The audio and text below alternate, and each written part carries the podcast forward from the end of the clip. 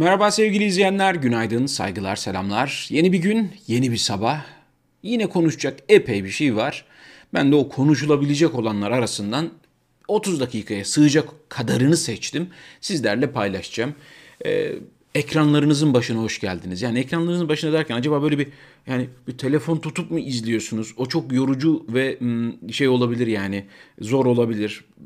Bilgisayar ekranından mı, tabletten mi, ne bileyim e, televizyondan mı izliyorsunuz? Ee, yani inşallah rahatsınızdır. Yani bu yayını izlemek için böyle rahatınızı bozmuyorsunuzdur. İşinize gücünüze engel olmadan yaşam enerjinizi sömürmeden, ondan sonra hayata bakış açınızı iyice böyle karartmadan, sizi depresyona sokmadan bir yayın yapabiliyorumdur. E, bayağı bir kıstas koydum. Bunların hepsine uymak da çok zor. Sevgili izleyenler her zaman olduğu gibi yayının hemen başında ben e, Twitter'a da göndereyim de şu yayını. E, Twitter'da da baktığınız zaman epey bir insan var. Oradan da gelecek olanlar vardır. Bugünün e, yayın başlığı Gördünüz mü, dikkat ettiniz mi bilmiyorum. Bugünkü yayın başlığı tam bir diktatör. Tam bir diktatör deyince tabii akla kim geliyor? Pinochet falan geliyor tabii değil mi? Yani aklınıza kim gelebilir ki tam bir diktatör deyince? Pinochet gelir. Çok zorlarsak, böyle çok gerilere gidersek bir Cengiz Han falan geliyor ama yakın zamandan aklımıza bir şey gelmiyor değil mi? Bugün size bilimsel veriler ışığında bir diktatör değerlendirmesi yapacağım sevgili izleyenler. Bilginiz olsun. Ee, sabahın bu erken saatinde gelip de e, mesajlar yazan, yorumlar yazan onlarca insan görüyorum. Çok güzel. E, izleyici sayımız da gittikçe artıyor yayının ilerleyen dakikalarında. Onların da artık geldiğini görüyorum. Yayının başlığı tam bir diktatör. Peki neden bu mevzuya girdik? Nereden çıktı bu mevzu? Şimdi onu konuşacağız. Sevgili izleyenler, e, Cumhurbaşkanı Erdoğan CHP Genel Başkanı Kılıçdaroğlu'nu diktatör olmakla suçladı kendi partisinde tek adamlık yapmakla suçladı. Hatta adamlık da demedi adamcağız. Hani onu iyice ezdi.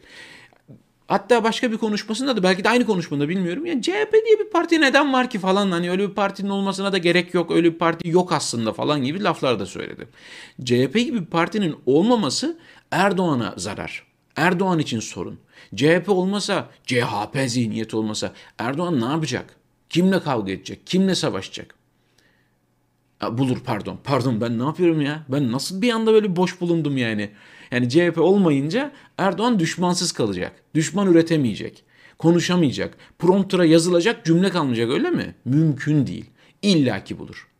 İlla ki bulur. Gider kendi gölgesiyle savaşır, rüzgarla kavga eder, yağmura sataşır, keklik dürter, portakal bıçaklar, bir şey yapar ama illaki bir düşman üretir. Çünkü düşmansız devam edemeyecek bir politika var. Diyor ki Erdoğan, CHP'de, bak Erdoğan konuşunca CHP diye okuyoruz otomatikmen. CHP'de şu anda tek adamcağız siyaseti işliyor. Genel başkan kendisine karşı çıkan herkesi susturarak diktatörlüğün dik alasını sergiliyor. Şimdi burada bir eşik var. Önemli bir eşik var. Kendisine karşı çıkan herkesi susturma eşiği. Burada ne var? Demek ki CHP'de hala bir şekilde Kılıçdaroğlu'na karşı çıkabilen birileri oluyor ve onlar susturuluyor. Bunun sonraki aşaması şu sevgili izleyenler, level orası. Ona karşı çıkabilen hiç kimse yok. Yani birisinin ona karşı çıkabilmesi için partiden ayrılması gerekiyor. Partinin içinde ona karşı çıkabilme diye bir lüks yok. Yani bu, buraya varılması gerekiyor. CHP'de bunlar oluyor mu? CHP'lilere sormak lazım. Partinizin içinde Kılıçdaroğlu'nun karşısına aday çıkabiliyor mu? Kendi içinizde demokrat mısınız? Türkiye'ye demokrasi getirme vaadindesiniz. Bu işte tek adam rejimini yıkacağız diyorsunuz. Peki bunu nasıl yapacaksınız diye bu soruyu sormak bizim ve özellikle de CHP'ye oy veren CHP ben CHP'liyim diyen insanların bu soruyu sorması lazım. Tabii Erdoğan'a da Erdoğan'a ne soracağız? Şimdi sevgili izleyenler şöyle. Ben sizler için çok bilimsel bir araştırma yaptım. 14 madde okuyacağım.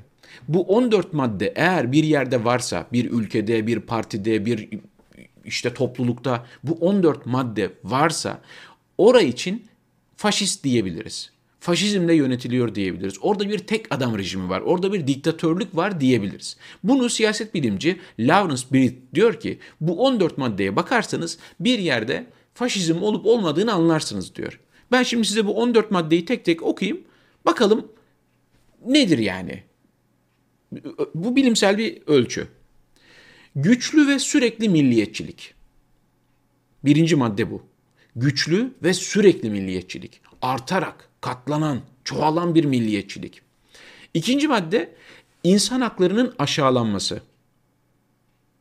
Açmama gerek yok. Üçüncü madde yaratılan düşmanlar ve günah keçilerini birleştirici bir unsur olarak kullanmak.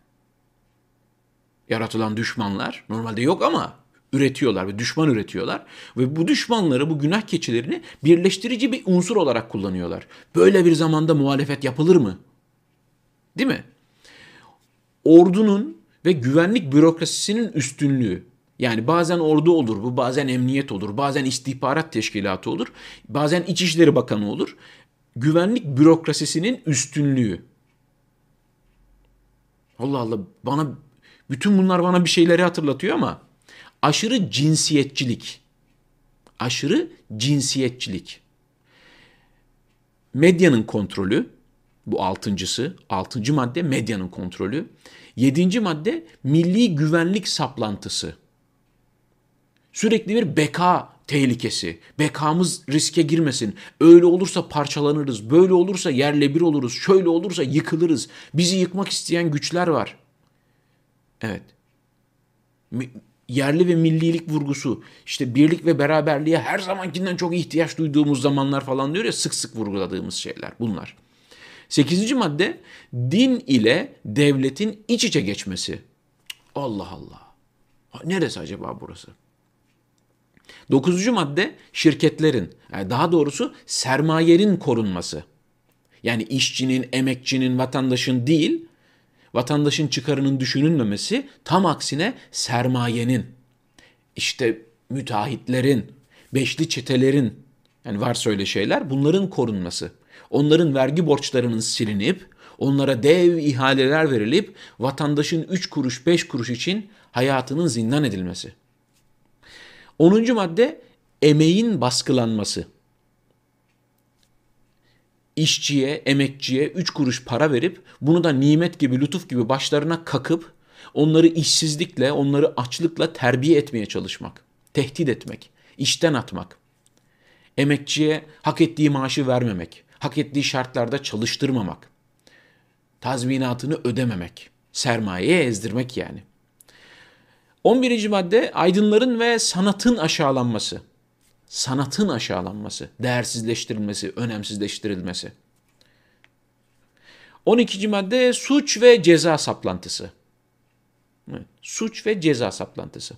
Her şey suç üzerinden ilerleniyor. Herkes suçlu bir şekilde suçlanıyor, yaftalanıyor, etiketleniyor, fişleniyor ve bunların cezalandırıldığı topluma pompalanıyor. Hak ediyor ama onlar. Onlar da bunu yaptığı için. Öyle yap ama onlar şöyle dediği için böyle oluyor. Öyle yapmamış olsalardı falan gibi ta toplumun en küçük e, birimine kadar ulaşmış bir suç ve ceza saplantısı. 13. madde yaygın kayırmacılık ve yolsuzluk. Bir şey söyleyeyim mi? 14. madde hileli seçimler. Eğer bu saydığım 14 madde bir yerde varsa bir ülkede, bir siyasi partide, bir toplulukta, bir millette, bir ne bileyim insan topluluğunda bu 14 maddenin tamamı ya da büyük bir kısmı varsa orada böyle katıksız bir faşizm, e, tam anlamıyla bir diktatörlük olduğu anlamı çıkabilir diyor siyaset bilimci Lawrence Britt sevgili izleyenler.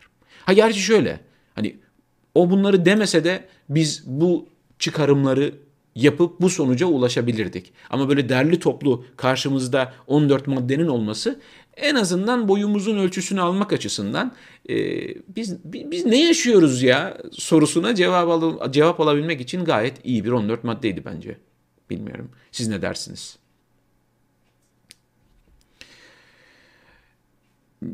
Evet ya havaalanına mahkeme.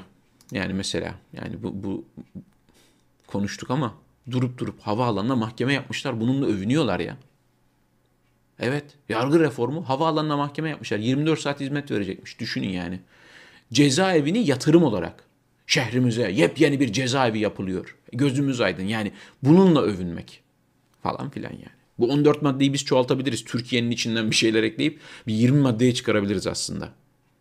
Hani kim diktatör, kim faşist, kim tek adam bunu buradan ölçüp biçip karar verebiliriz. Hani bu arada bu 14 maddenin bir kısmının biz muhalifiz diyen partilerde de olduğunu da e, üzülerek belirtmem gerekiyor.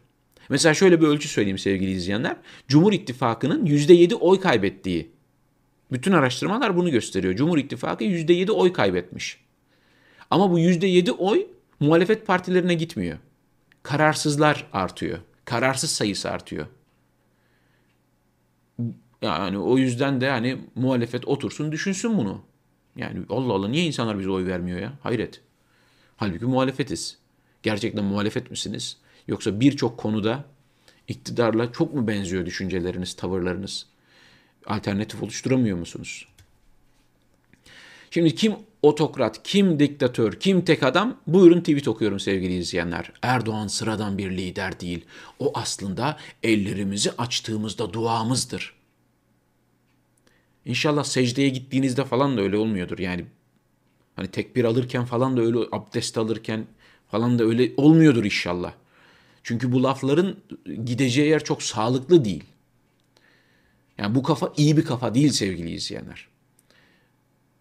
Dünyaya, bakın dünyaya eğer bir şey elimizde imkan olsaydı, kendisini seçilmiş adam, kendisini olmazsa olmaz, kendisini işte göklerden gelen bilmem ne, işte insanlığın sigortası, insanlığın garantisi, yeryüzünde hayatın devam edebilmesi için tek seçenek olarak gören, kim bilir kaç bin lider gelmiştir. İrili ufaklı.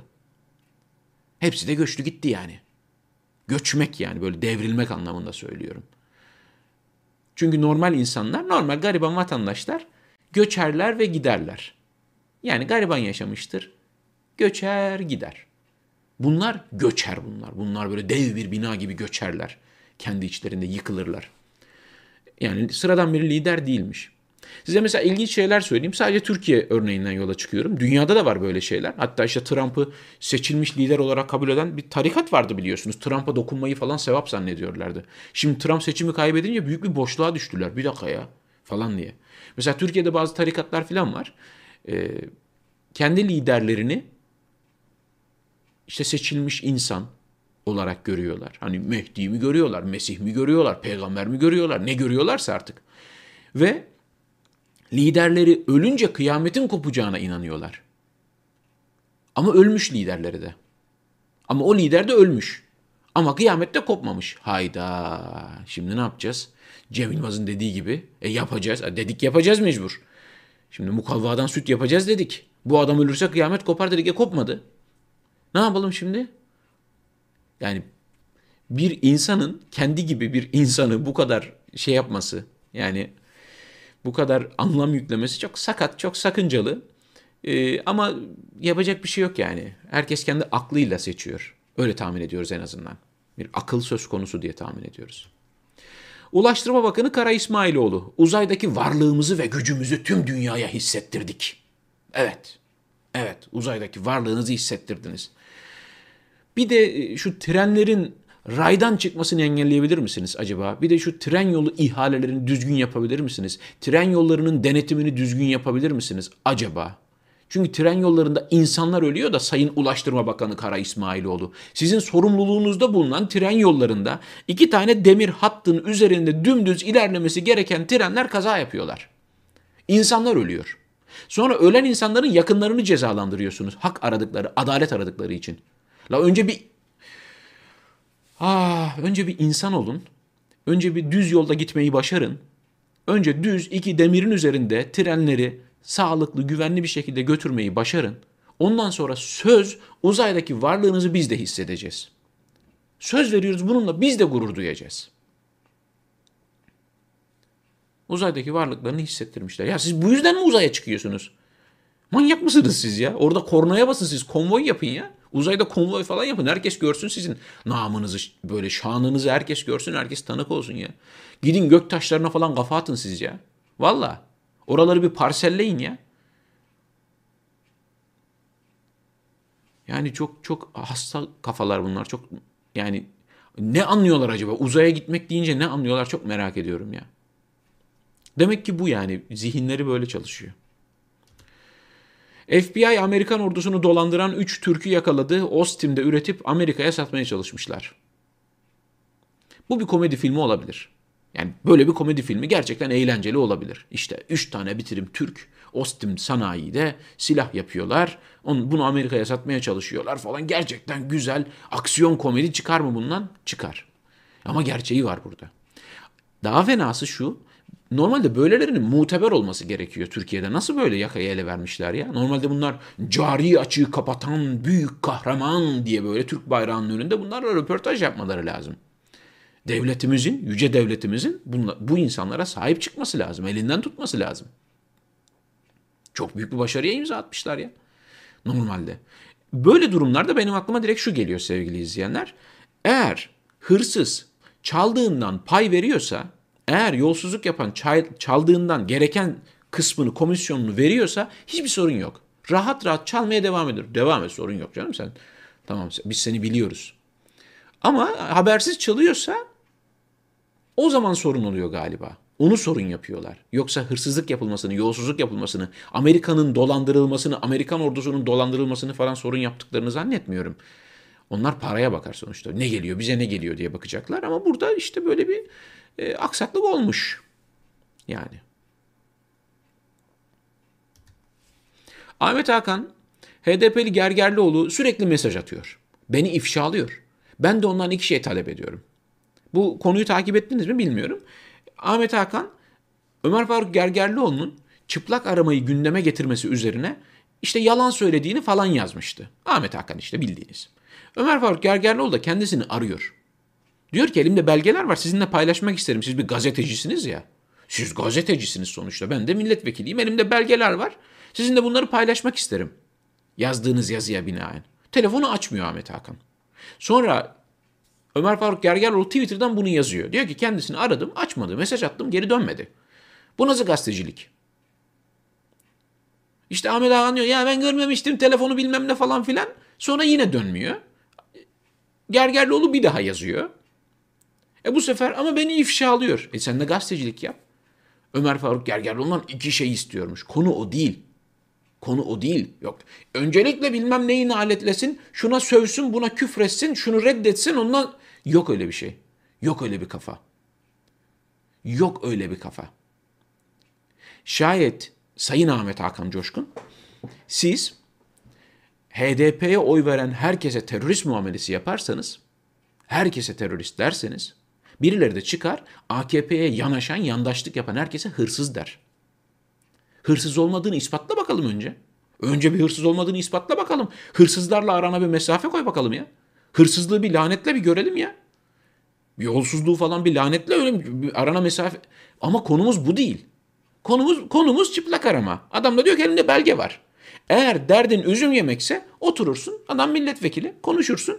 Dersin ki ya evet bu konuda böyle böyleymiş. Yiyorsa tabii. Sıkıyorsa. Yüreğin varsa hani. Sabah kahvaltısında yüreğe ondan sonra böyle bir haber yazabiliyorsan. Ya gerçi bunun cesaretle alakası yok sevgili izleyenler. Artık bir yerde cesaret devreden çıkıyor. Yani cesaret devreden çıkıyor. Orada sadece ahlakla baş başa kalıyorsunuz. Ahlakınızla. Kendi onurunuzla baş başa kalıyorsunuz. Yoksa olayın işte e, Ahmet Hakan'ın dövülmesiyle falan alakası yok. Ahmet Hakan dövüldüğünde bizzat kendisine mesaj yazıp geçmiş olsun diyen birisiyim. Ahmet Hakan beni takip ediyordu Twitter'dan falan böyle anlatabiliyor muyum? Hani böyle şey sonra takipten çıktı ama yani Ahmet Hakan'ın dövülmesi bugün bile kötü bir olaydır. Yani şu andaki tavrına bakarak o gün hak etmiştir falan değil. Dövülmesi, saldırılması feci bir olaydır. Kime yapılırsa yapılsın böyledir. Ama Ahmet Hakan'ı bu noktaya getiren şey yediği dayak değildir. Yediği başka şeylerdir. Yani daha fazla yeme isteğidir ya da. Yoksa azıcık onur, azıcık onur bir insanı oradan koparır. Orada duramaz yani. Bünye reddeder. Anlatabiliyor muyum? Bünye bu, bu şeyi reddeder ama aynen devam ediyor. Kolaylıklar diliyoruz. Kolay değil çünkü omurgasız bir şekilde böyle ayakta durmak, yürümeye çalışmak falan hiç kolay değil yani. Yalova'da Alevilerin evleri işaretlendi. Bizim bütün her şeyi bırakıp bir de bununla uğraşmamız lazım. Bu çok feci bir şey. Bu korkunç bir şey. Daha dün konuştuk sevgili izleyenler. Bakın 1993 24 Ocak'ta Uğur Mumcu katledilmişti. Biz 93 yılı içerisinde öyle korkunç şeyler gördük ki çocuktuk bakın ben çocuktum. Ama iz bırakmıyor mu? Bırakıyor. Herkes de iz bırakıyor. Ve böyle olaylar 93'lerde de oluyordu, 90'larda da oluyordu, sonrasında da oldu. Bu kıyası yapmak çok korkunç, çok tehlikeli ama aynı fotoğraflar, aynı görüntüler Hitler Almanya'sında da vardı. Yahudi ailelerin evlerini, dükkanlarını işaretliyorlardı. İnsanların kıyafetlerine Davut yıldızını dikmeyi mecburi hale getiriyorlardı. Mecbur. Yahudiysen bunu göstermek zorundasın. Nereye gidiyoruz? Sakın ha, sakın ha. Şimdi çıkıp şey diyecekler. Bu birkaç tane gerizekalı işte münferit olay, öfkeli birkaç genç falan yok öyle bir şey. Kusura bakmayın ama kusura bakmayın ama her zaman gerizekalılar, öfkeli gençler olabilir. Ama sizin bu yönetim anlayışınız bunlara cesaret veriyor. Birinci ihtimal bu. İkincisi de bu zaten sistemli, planlı, örgütlü bir iştir. Siz ülkeyi bir bir şeye sokmaya çalışıyorsunuz. Bir duruma doğru itmeye çalışıyorsunuz. Bu çok belli. Yani bunun daha da ileri gitmemesini, e, bir yerde durmasını temenni ediyorum. Yani çünkü bunun gideceği yer hiç hayır alamet değil. Hiç iyi değil. Hiç iyi değil. Hani en başta okuduğum 14 madde var ya. İşte bu 14 maddenin içinde bu da var. Bu da var yani. Sürekli şey diyorlar ya. Bakın çok ilginçtir. Aslında o Aleviymiş ama Aleviliğini gizliyormuş. Gizli Alevi. O Ermeniymiş ama gizli. Bilme şeymiş giz, niye gizliyor? Neden gizlemek zorunda kalıyor? Yani bu, bunu kimse sorun yapmıyor. Hani bunu kimse sorun yapmıyor. Yani demek ki bir şey var yani. Yani çok çok acayip ya. Şu olaya bakar mısınız? Dehşet. Cumhurbaşkanı Başdanışmanı Mehmet Uçum, Avrupa İnsan Hakları Mahkemesi kararları esastan bağlayıcı değil, yönlendiricidir. Ah, yönlendirici, tavsiye niteliğinde. Yani hukuka uyarsanız güzel olur. Elimizdeki kanun kitapları diyor ki bu adamı serbest bırakmalısınız. Ama tabii ki siz bilirsiniz canım. Kanun böyle söylüyor ama biz sadece tavsiyede bulunabiliriz canım. Siz öyle şey yapın yani. Böyle bir bakın. Hoşunuza giderse böyle bir açık büfe bu. Bakıyorsunuz hoşunuza gidenlerden tabağınıza koyuyorsunuz. Açık büfe hukuk var böyle. Hoşunuza gidenleri, işinize gelenleri alıyorsunuz. Gelmeyenleri bırakıyorsunuz, çöpe atıyorsunuz, döküyorsunuz. Bu böyle bir şey yani. Avrupa İnsan Hakları Mahkemesi, adı üstünde bu bir mahkeme. Bu bir sivil toplum örgütü, think tank kuruluşu değil. Hani düşündük de Türkiye'ye şu tavsiyelerde bulunmaya karar verdik. E, bla bla bla bla böyle 10 madde falan. Böyle değil. Mahkeme bu. Mahkeme. Siz devlet olarak gidip kendinizi savunuyorsunuz orada. Eğer sadece yönlendiriciyse, tavsiye niteliğindeyse niye gidip kendinizi savunuyorsunuz ya?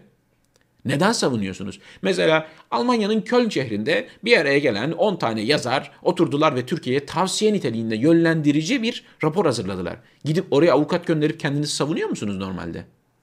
Ama Avrupa İnsan Hakları Mahkemesi'ne avukat gönderip Türkiye Cumhuriyeti Devleti'ni savunuyorsunuz verdiğiniz kararın, mahkemelerin verdiği kararın doğru olduğunu, tutuklu halde tuttuğunuz, işte Selahattin Demirtaş'ın, Osman Kavala'nın, Anayasa Mahkemesi üyesi Alparslan Altan'ın, Ahmet Altan'ın vesaire vesaire bak bir sürü isim var.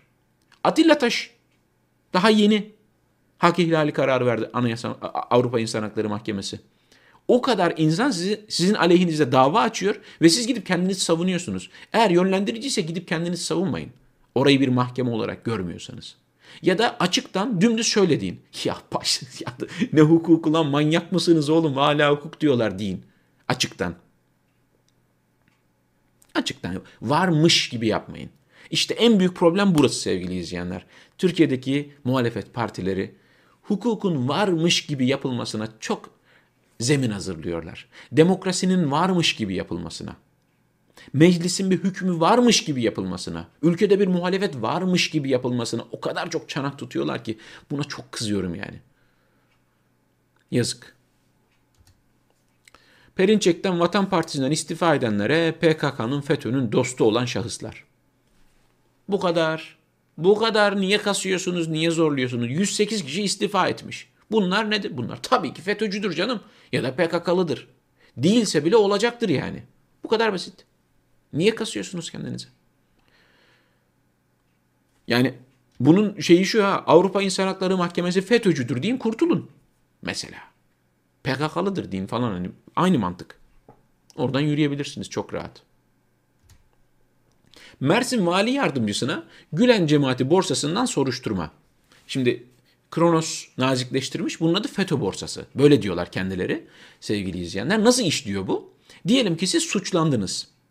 FETÖ'cü olmakla suçlandınız. Ve sizi tutukluyorlar. Ya da tutuklayacaklar.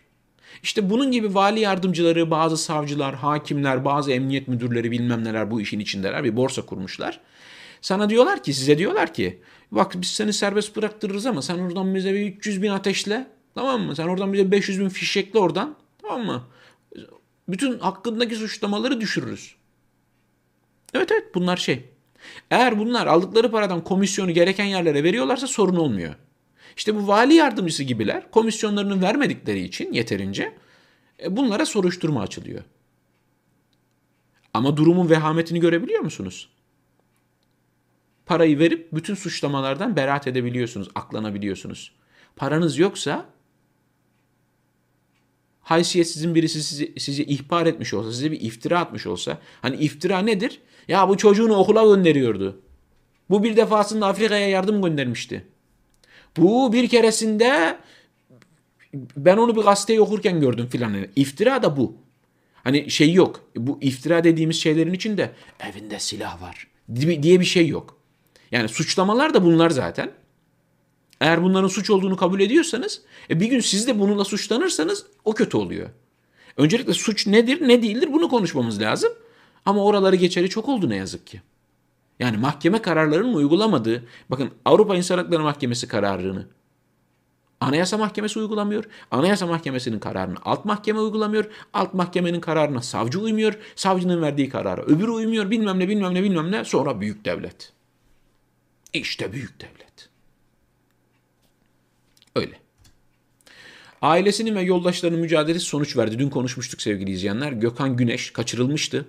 6 gün sonra e, sabaha karşı Başakşehir'de gözleri bağlı bir şekilde bırakılmış. O da kendi çabalarıyla, kendi olanaklarıyla ailesinin evine ulaşmayı başarmış. 6 gün boyunca başına neler geldi, kim kaçırdı, nereye götürdüler, neden kaçırdılar?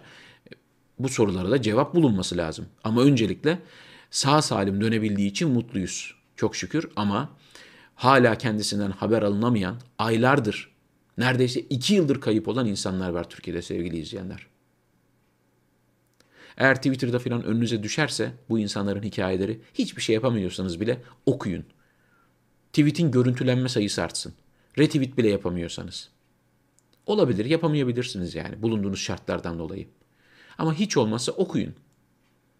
Hikayesini okuyun, ne olduğunu okuyun. Kim bu insanlar, neden kaçırıldılar, neredeler? Şayet bir suçları varsa, bu insanlar suçluysa, gözaltına almayı, tutuklamayı, yargılamayı bilmiyor musunuz? Neden kaçırıyorsunuz?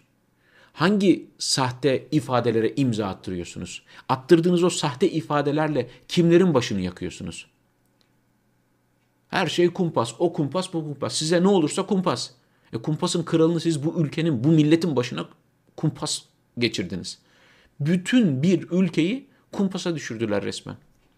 Konuşamıyoruz. Konuşamıyorsunuz. Doğru mu? Ha bir şey diyeceğim ama ulan terörist olur muyum? Bir şey diyeceğim ama Silivri soğuktur. Bir şey diyeceğim ama beni bir şeyci ilan ederler mi? Geldiğimiz nokta burası. Ve geldiğimiz noktanın şurası olduğunu iddia ediyor Erdoğan. Her bir vatandaşımızın hayat kalitesini hiç olmadığı kadar yükseltirken dünyaya bakışını genişlettik.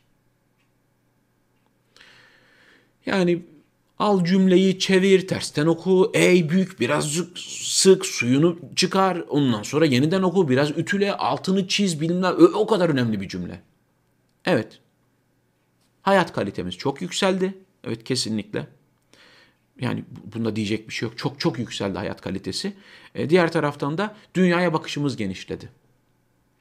Bak samimi söylüyorum benim dünyaya bakışım genişledi. Bu ayrı bir şey de. Yani bu bunlar yüzünden, sayesinde değil bu. Bunlar yüzünden hayata bakışım genişledi yani. Yani kötülükleriyle, yaptıkları sistemli bu kötülükle bize birçok şey öğrettiler. Çok şey öğrettiler. Hani dersini almasını bilene tabii. Ama onun dışında hayat kalitesiymiş. hayat kalitesiymiş. Yani kendi kaliteleri arttı tabii yani öyle bir şey var. Bu arada ben bir şey dikkatimi çekti. En başa döneceğim şimdi sevgili izleyenler. Şu. Erdoğan'ın yüzüne ne olmuş? Hani Gora'da o şey var. Senin yüzüne ne oldu? Ne olmuş? Ne olmuş hakikaten? Yani şu görüntüyü izlediniz mi? Ben burada paylaşamıyorum işte telif melif sorunundan dolayı. İzleyebilirsiniz. Euronews Türkçe'nin hesabında var mesela bu görüntü. Mutlaka görmüşsünüzdür. Kılıçdaroğlu'nu diktatörlükle suçladığı video, görüntü. Ya bu adama birisi keyif çayı falan versin ya. O kadar sarayı var. Bilmem kaç bin odası var. Bu adamı biraz dinlendirin arkadaşlar. Etrafındaki danışmanlar. O kadar danışmansınız demiyor musunuz? Efendim sizin yüzünüze ne olmuş demiyor musunuz? Bir keyif çayı yapın, bir ejder meyveli smoothie yapın. Emine Hanım bir e, beyaz çay demlesin. Bir elma kabuğundan sirke mirke bir şey yapsın. Çantasını koysun başının altına bir uyusun. Bir dinlensin yani. Ben çok sağlıklı görmüyorum yüzünü. Hani yüzüne karşı da şey olmasın ama ben çok sağlıklı görmüyorum bu yüzü. Garip bir yüz. Neyse canım onda danışmanları düşünsün yani. Her şeyi biz mi düşüneceğiz? Sevgili izleyenler bugün tam vaktinde başladığım yayını aşağı yukarı tam vaktinde de bitiriyorum. Gördüğünüz gibi. Yani oldukça istikrarlı bir e, yayın oldu bu. Evet doğru söylemiş. Dünyaya bakışımız o kadar değişti ki bu ülke dışında nereye gidebiliriz diye düşünüyoruz. Değil mi? Ben de onu diyorum işte. Mesela bu kazandırdığı e, şeylerden bir tanesi. Bir tanesi bu.